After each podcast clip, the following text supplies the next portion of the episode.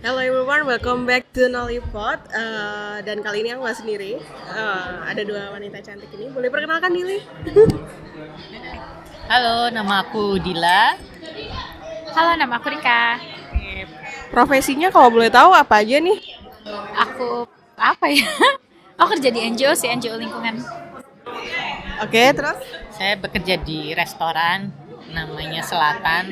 Bo- Boleh promo kok, boleh promo Oh iya, silakan datang. Ada di Jalan Bendaraya nomor 89.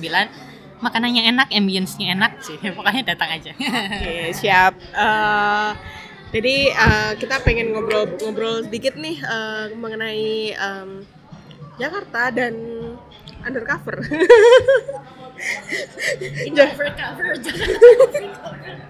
Jadi kebetulan eh, mereka berdua ini lebih senior lagi ya eh, mengenai Jakarta. Iya gak sih? Kalau aku kan masih setahun nih di Jakarta masih belum masih secuil lah gitu. Nah kalau misalkan eh, menurut kalian berdua nih eh, perbedaan Jakarta dengan kota-kota lainnya tuh kayak gimana? Eh, Kak Dita dulu deh. Aku Jakarta lebih keras. Pastinya Jakarta lebih keras. Orang-orangnya sangat to the point dan jutek-jutek. Itu kalau dari aku sih. to the point banget. Ya, silakan Mbak Rika. Em, apa ya Jakarta itu? Dia tuh kayak segala ada gitu loh kayak Toserba. Kamu mau apa juga dia ada, asal kamu tahu di kamu kamu nggak selalu tahu itu ada di mana, tapi begitu kamu tahu, kamu kayak bakalan kayak oh ternyata semuanya ada di sini dari yang paling nggak banget sampai yang oke banget gitu. Eh, tapi so far dengan more than five years experience di Jakarta itu eh, kalau di boleh di rating eh, 1 sampai 10 berapa? kayaknya nggak fair kalau misalnya kayak dihitung 1 sampai 10. Sebenarnya Jakarta itu menyenangkan kayak yang aku kayak I have a very intense love hate relation sama Jakarta. Jadi kayak nggak bisa dibilang karena in some days ini bisa kayak yang 12 bagus banget. Tapi in some other days ini bisa kayak kayak minus 30 gitu loh. Kayak yang nggak bisa Jakarta tuh nggak bisa diformulasikan.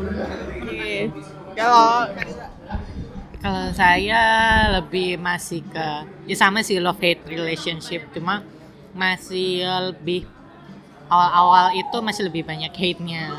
Main ke sini sih ya mulai menemukan menyenangkannya.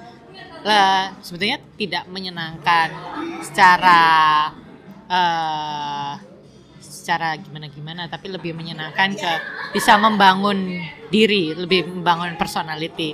Ya karena itu tadi kayak aku bilang Jakarta keras, jadi terus kalau kamu bisa bertahan di kerasnya Jakarta ini, percayalah kamu akan menjadi manusia yang tangguh dan tahu bagaimana menghadapi kerasnya Jakarta dan orang-orangnya yang begitulah gitu.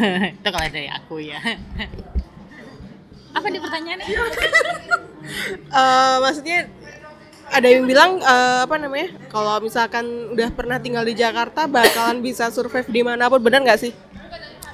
Tergantung sih. Maksudnya bahkan ya aku kan pernah tinggal di Jakarta terus keluar dari Jakarta terus balik lagi ke Jakarta itu pun aku ngerasa kayak Jakarta yang sebelum 2016 itu beda banget sama Jakarta yang 2019 jadi nggak selalu sih karena karakternya beda banget kayak kayak kamu bisa survive di Jakarta belum tentu kamu bisa survive di New York juga. Atau belum tentu kamu bisa survive di Jogja karena itu beda banget kayak bahkan Jakarta sama Jogja misalnya contohnya kamu bisa survive di Jakarta menurutku sih belum tentu kamu bisa survive di Jogja karena beda banget beda banget Eh, yang bikin beda antara eh, kebetulan mereka berdua ini dari Jogja semua ya, pernah di Jogja atau tinggal di Jogja ya? Oh, pernah di Jogja. Eh, apa yang bisa bedain? Biasanya kan ada ada pendapat itu, tiba-tiba ada yang bilang pertama kali aku datang ke Jakarta ada yang bilang kayak gitu. Se at least kamu harus tahun dua tahun loh di Jakarta. Kalau kamu udah di, pernah di sana, kamu bakal survive di mana pun di Indonesia gitu kan. Nah, kalau menurut kalian ini udah un- unpopular opinion kan untuk masalah Jogja tadi. Apa sih yang bedain kira-kira? eh aku kalau masalah yang eh, pernyataan kalau bisa hidup di Jakarta bisa hidup di tempat lain aku kurang begitu bisa memastikan karena jujur belum belum seluas itu mainku jadi mana itu Eh, tapi kalau perbedaan kultural ya memang aku ngerasain banget dan sempat culture shock. Jujur jujur aja sempat culture shock. Aku yang eh, walaupun kecil aku pernah tinggal di Jakarta tapi mungkin masih kecil dan lupa. Jadi terus eh, seumur umur tinggal di Jogja baru gede balik lagi ke Jakarta itu emang kerasa banget bedanya terutama secara etos kerja. Secara etos kerja di Jogja itu semua serba lambat dan everything slow karena hidupnya juga slow nggak ada beban pikiran. Jadi memang nggak ada target-target dan deadline-deadline yang walaupun udah ada deadline pun tetap molor deadline-nya gitu. Jadi nah begitu di Jakarta ya cukup kaget karena yang bisa deadline is deadline gitu. Kamu nggak mau tahu kamu harus nyelesain deadline itu entah gimana caranya kayak gitu. Kayak ya pertama sih memang sangat kaget tapi ya makin ke sini kayak ya emang gitu emang kalau kerja secara profesional dan mungkin aku mikir kayak di mana pun juga ya memang harus begitu mungkin emang orang Jogja aja yang terlalu santai. Tapi kalau memang bisa bisa menggabungkannya antara slownya Jakarta tapi dengan disiplinnya Jakarta eh slownya Jogja dengan disiplinnya Jakarta aku rasa sih bagus. Nah itu yang masih aku pelajari dengan slownya Jogja dan disiplinnya Jakarta itu sih.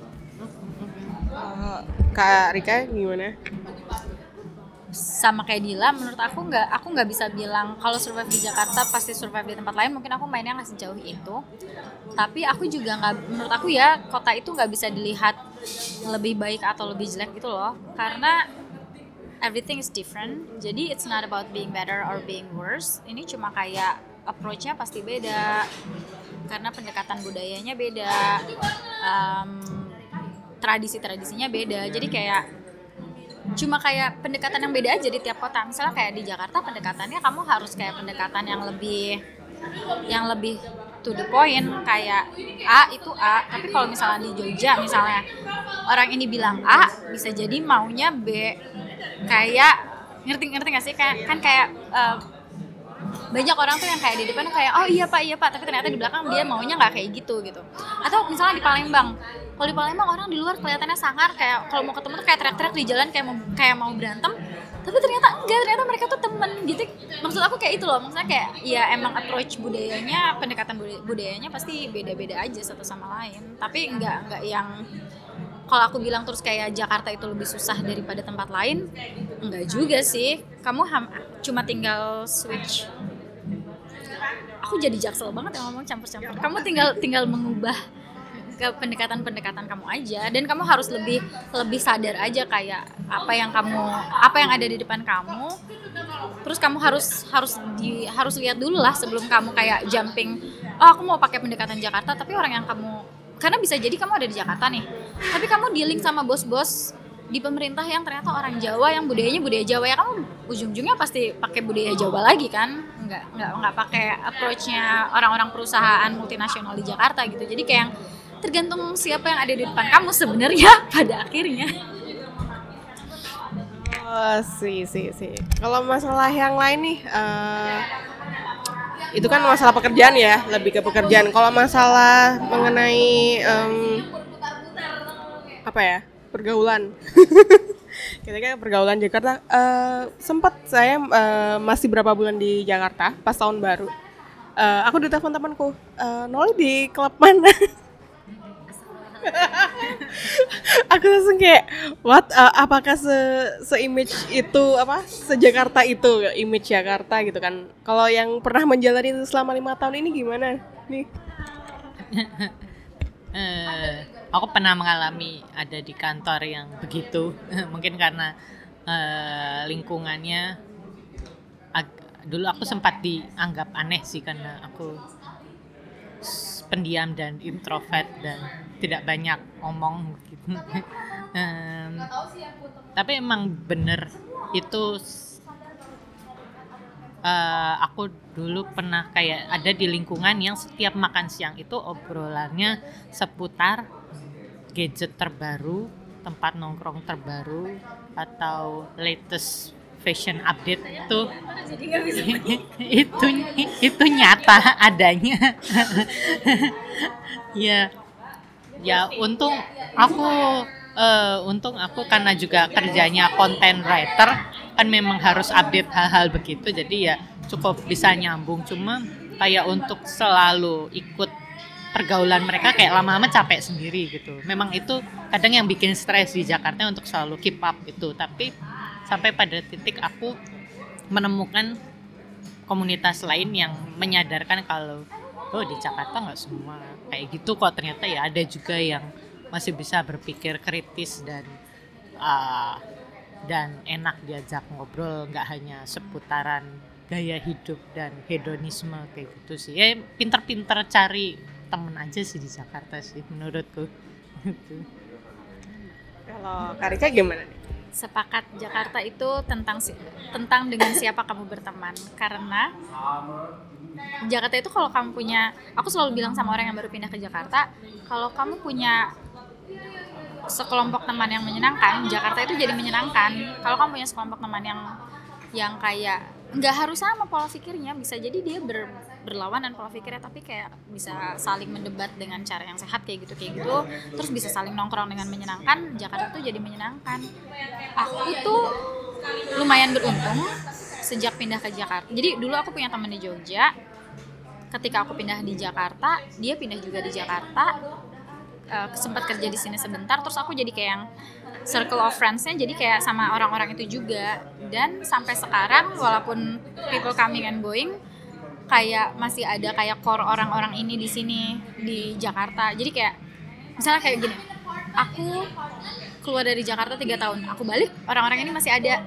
Terus satu atau dua dari orang ini pergi terus kayak balik lagi ke sini. Jadi kayak yang circle of friends-nya itu itu aja. Dan menurut aku karena bersama mereka ini aku jadi seneng di Jakarta. Dan tongkrongan kita tuh bisa kayak yang pagi-pagi di WhatsApp ngobrolin politik dan apa tapi terus malamnya mabu-mabuan. Maksudnya kayak yang work life balance. Ah enggak enggak bukan work life balance. Itu itu kayak balance antara yang serius dan yang tidak serius. Itu menurut aku itu penting banget kayak kamu bisa main ke ke klub-klub yang enggak banget di Jakarta Utara tapi terus kamu juga ikut ikut protes misalnya di DPR atau kamu besok paginya meeting sama menteri-menteri dan pejabat-pejabat.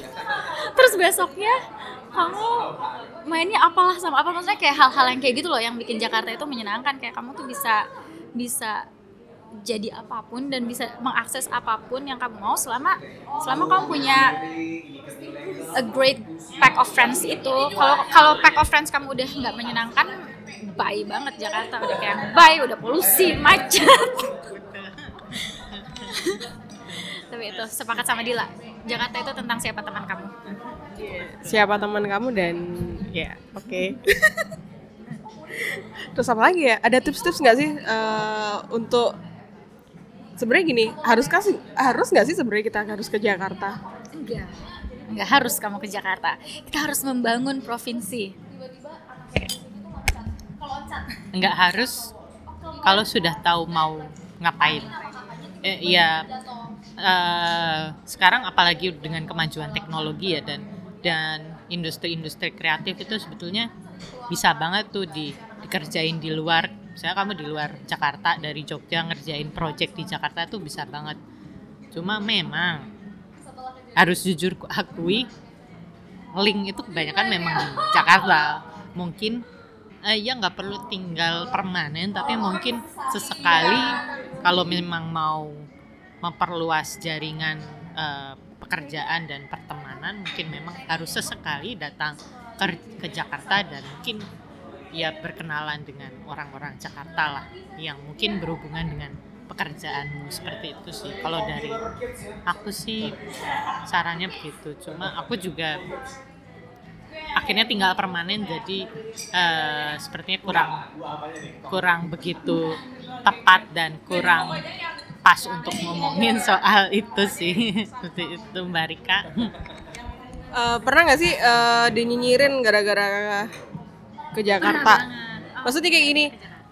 Maksudnya eh ini terjadi ke aku ya kayak kenapa sih jauh-jauh ke Jakarta? Kenapa yang nggak kerja di tempat asal gitu kan emang di di sini nggak ada tempat yang lebih bagus apa? Di sini kan pasti gajinya sama aja bla bla bla. Pasti di sana tuh macet bla bla dan segala macam Eh, sampai akhirnya tuh kayak ketika kita punya culture yang di Jakarta terus kita balik ke kota itu pasti kan dinyinyirin juga tuh. Kayak entah mas dan aksen kita berubah ataupun eh pasti ada yang berubah kan. People grow tapi masalahnya eh tahu kan kayak di lingkungan asal kita tuh pasti ada yang kayak ngerasa yang ya gitulah. Bisa nggak jelas. Aku mungkin kurang relevan untuk ditanya pertanyaan ini karena aku sebenarnya kan orang Jakarta. Aku lahir di Jakarta, keluarga aku juga di Jakarta Timur, di Jakarta Utara. Jadi kayak di sekitar sini juga. Dan aku termasuk salah satu kayak third culture kid yang nggak punya aksen kayak lo tuh orang mana? Palembang bukan Jogja bukan Sunda juga bukan. Jadi aku kayak tapi menurut aku sih ya kalau ada yang nyinyir nggak usah didengerin kayak hidup hidup lo sendiri. Maksud aku kayak anyhow aku nggak ngerti kenapa orang harus nyinyirin keputusan orang lain. Kalau misalnya emang menurut kamu keputusan itu tidak baik kamu bisa tanya challenging question kayak kenapa kamu harus ke Jakarta? Apa yang kamu cari? Apa yang membuat Jakarta beda? Apa yang membuat Jakarta lebih menarik? Kamu boleh banget tanya challenging question ke teman kamu. Tapi kalau nyinyirin kayak yang emang lo mau bayarin hidup, hidup gue kalau gue nggak ke Jakarta aku sih bodoh amat mau dinyinyirin kayak apa. Kamu nggak akan mengurangi atau menambah gaji aku jadi kayak yang bodoh.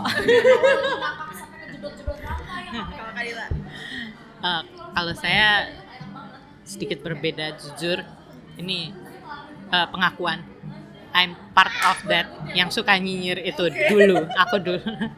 Dulu aku benci banget sama Jakarta jujur. Justru benci ya? Benci. Dan aku nggak punya mimpi ke Jakarta. Beneran nggak. Aku pokoknya aku bersedia kerja di daerah mana pun asal bukan Jakarta. Pokoknya gitu. Itu aku juga sampai pada titik eh, ngelamar di mana pun nggak keterima malah iseng lamar di Jakarta tiga kali tuh. Padahal cuma iseng doang tapi langsung keterima terus. Kayak jadi aku berpikir apa memang rezekiku di sana ya? Apa aku harus mm, menelan ludah sendiri? Ya terus ya sudahlah. Kira aku eh, aku ke sini ya memang memang di sini lagi-lagi aku akui cari duit itu gampang di sini. Kayak kamu nggak akan nganggur lama di sini. Kamu kalau rajin apply apply itu pasti akan ada yang langsung langsung calling langsung langsung menelpon langsung wawancara. Pokoknya cepatlah beda dengan kamu di daerah. Waktu pas aku di Jogja bahkan sempat oh, udah berkali-kali melamar sampai setahun tuh masih tetap nggak ada yang manggil kayak gitu. Terus ya udah sampai akhirnya ke Jakarta. Yang memang juga banyak teman-temanku yang setelah sampai Jakarta juga nggak kuat dengan ya Jakarta yang tadi aku bilang banyak yang zute culture shock lah. Banyak yang culture shock. Ya aku juga tidak eh, tidak nyinyirin mereka. Memang memang aku akui di Jakarta berat gitu. Memang ya monggo kan balik lagi kayak goal orang beda-beda kebahagiaan orang juga beda-beda. Monggo kalau emang merasa Jakarta terlalu keras dan bisa mengganggu kebahagiaan mental mengganggu mental ya ya monggo silahkan balik aja juga nggak apa-apa gitu. Cuma emang ya lagi-lagi tipsnya kalau mau ke Jakarta harus siap mental. Gitu sih. Jangan kecil hati lebih tepatnya jangan gampang baperan di Jakarta soalnya di Jakarta tuh banyak orang yang keren-keren banget. Dan kayak somehow kamu tuh jadi merasa kecil begitu nyampe Jakarta. Kayak yang misalnya kamu udah ngerasa kamu jago di sesuatu hal nyampe Jakarta kayak gila nggak ada apa-apanya. Cuma kayaknya seujung kuku mending ujung kuku seujungnya ujung kuku. Kayak bener-bener kayak nothing banget gitu begitu di Jakarta. Tapi menurut aku itu kan yang nggak diajarin kita di sekolah kan. Maksudnya misalnya kamu ke, Jakarta nih terus kamu lihat bule-bule terus kamu pasti nyinyir kayak ah mereka itu kayak begitu doang aja udah jadi manajer atau apa. Tapi sebenarnya itu kan yang kita nggak punya. Kita tuh nggak nggak punya confidence nya mereka kita tuh nggak punya nggak punya apa ya kita tuh diajarin selalu untuk humble untuk nggak boleh menonjolkan diri. Terus kalau ada orang yang menonjolkan diri dan menunjukkan kemampuannya kita sebut dia arogan. Padahal enggak padahal ya that's life. Kamu harus kamu nggak akan dapet apa yang kamu mau kecuali kamu minta dan kecuali kamu kejar dan kecuali kamu kayak yang nunjukin ini gue bisa. Kayak kamu nggak akan berada di posisi yang oke kalau kamu nggak tunjukin kamu bisa. Jakarta tuh kayak gitu. Kamu harus bener-bener kayak put yourself out there. Kayak you have to be that person yang you probably hate in the past tapi kayak you have to be that person to strive di Jakarta. Gitu Keren sekali ini pembicaraannya. Eh, kira-kira untuk kayak em, apa ya? Jadi misalkan kok permanently tinggal di sini, apakah itu disarankan atau enggak sih sebenarnya? balik lagi ke goal hidup sih ya Eh, aku pribadi tidak punya cita-cita untuk menghabiskan masa tua di Jakarta kayak aku dan suami punya target lah sampai umur berapa kita harus di Jakarta. Karena banyak kualitas hidup yang di Jakarta emang udah terdegradasi banget terutama soal kualitas lingkungan udara dan dan eh, dan lain-lain kualitas hidup dan apa-apa yang serba mahal. Jadi memang eh, emang kembali lagi goal hidupnya kayak gimana dan apakah sudah mempersiapkan untuk untuk kalau memang mau tinggal di luar ya harus mulai apa ya persiapkan bukan persiapkan harta tapi persiapkan mental untuk balik ke karena pindah ke luar daerah lagi itu menurutku kayak downsizing lagi gitu loh dari ke Jakarta tuh upsizing. Nah balik ke downsizing tuh kadang banyak orang yang tidak tidak nyaman atau malah jadi stres sendiri gitu. Ya mungkin itu sih kalau dari aku kalau dari aku sih tidak ada goal untuk menghabiskan masa tua di Jakarta sih kalau aku. Kalau Karika, aku sepakat sih sama Dila tergantung tujuan kamu apa. Kalau misalnya misalnya kamu suka tinggal di kota besar suka dengan keramaian kenapa enggak aku tuh bahkan nggak tahu goal aku apa ya dan aku mau menghabiskan masa tua di mana tuh aku bahkan nggak tahu. Tapi aku orangnya kayak oportunis dan bukan oportunis not in a bad way tapi kayak aku aku model orang yang kayak aku punya perencana tapi I'm open to all the opportunities and possibilities yang ada yang semesta siapkan buat aku gitu. Kayak what what is in store I'm ready. Jadi semacam ya kalau misalnya ternyata nanti harus tua di Jakarta ya kenapa enggak? Atau atau kalau misalnya aku harus tua di Bali oh boleh banget. Maksudnya kayak yang aku aku nggak yang melihatnya sebagai anti anti Jakarta atau anti sesuatu kota karena everything happen for a reason. Dan kadang kita tuh nggak tahu arahnya mau ke mana. Somehow aku punya aku pingin misalnya tua itu tinggal di dekat pantai punya kebun sendiri karena kan sekarang di Jakarta aku kayak kebun aku cuma-cuma ya bukan kebun cuma seuprit di apa namanya di teras apartemen kayak yang itu yang aku nggak bisa dapat di sini. Tapi tapi kan you will never know ya mungkin in the future kita bakalan punya pemerintah yang lebih oke punya taman-taman kota punya permaculture di Jakarta. Why not kalau misalnya arahnya ke arah situ? Jadi itu sih menurut aku kayak yang be open for what the universe has in store aja. Ya itu aja. Ada yang tambahan nggak? jawaban guru yoga deh. Tapi eh, tapi eh, aku dulu aku perpaduan dari kalian sih sebenarnya. Kayak eh, awalnya juga ngerasa Jakarta aku nggak mau di Jakarta aku nggak mau ke di sini gitu kan. Aku nggak mau stres aku nggak mau. Mungkin pada dasarnya mungkin kurang challenging gitu loh kayak. Kata orang Selama kamu nggak mau tuh nanti malah itu yang kamu dapat makanya itu. Dulu tuh aku kayak gitu dulu tuh aku kayak yang pokoknya aku nggak mau ke Amerika apaan kapitalis segala macem segala macem segala macem. Eh dapat beasiswa dua-duanya ke Amerika terus kayak yang hmm, benar berarti sejak saat itu aku jadi kayak "Ya udah bo- nggak boleh anti ini anti itu. Kayak terima aja dikasihnya apa sama semesta. Tapi antinya Amerika jadi ke Amerika itu jauh, itu iya. jauh. Maksudnya iya, Amerika. untuk untuk mencapai ke Amerika tuh berapa miles away gitu. Oh iya, udah berjodoh sejak lahir. Tapi mungkin aku ini kali ya, kayak punya uh, di dalam pikiranku aku anti Prancis, anti Prancis biar ada opportunity ke Prancis.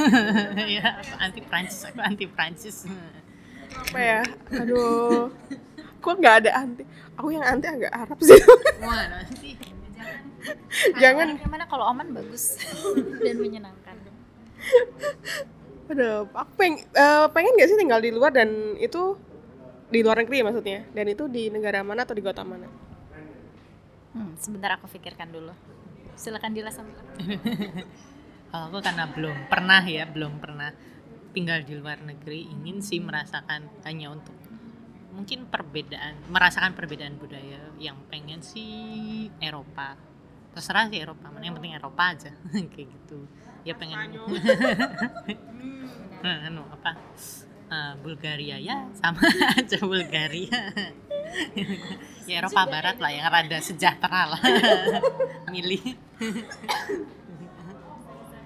Mungkin kayak di sesuatu tempat di selatan Italia. Oke banget.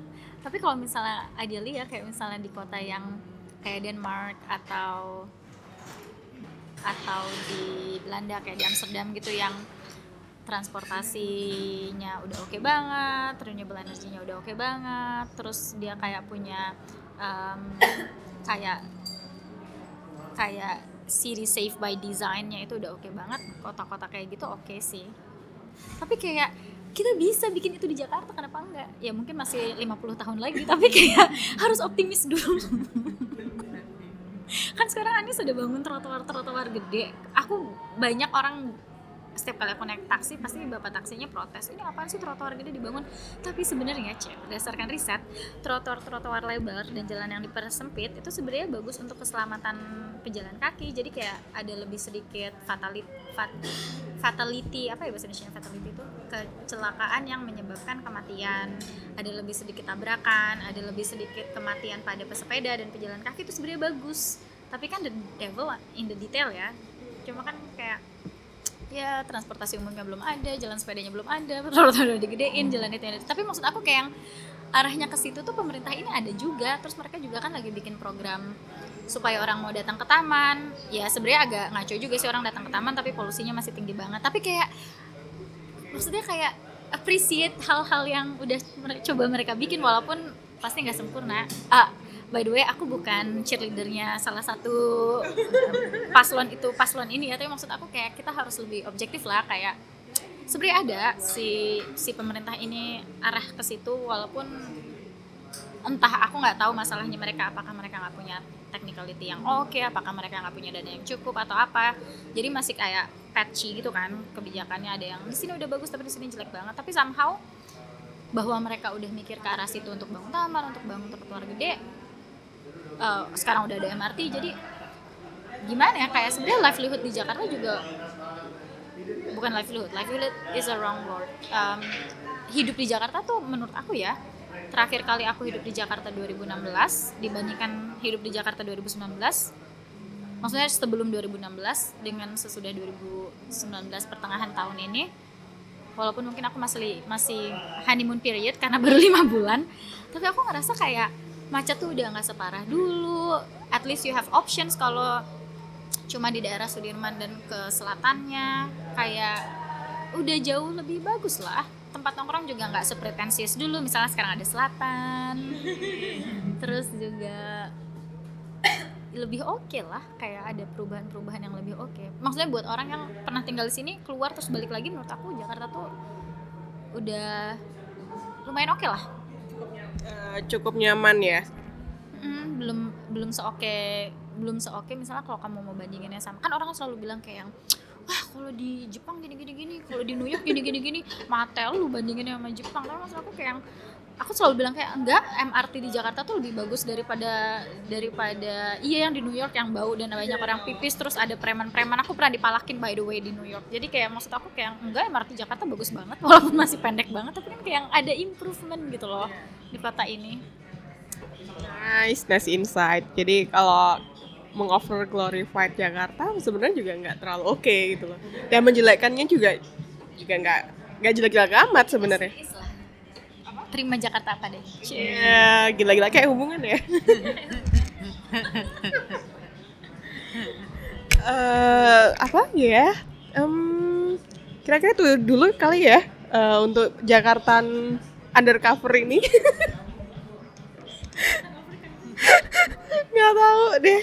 Oke, sekian dulu dari episode Lollipop. Eh, semoga di kesempatan yang datang bisa nyambung lagi. Oke, ya, see you.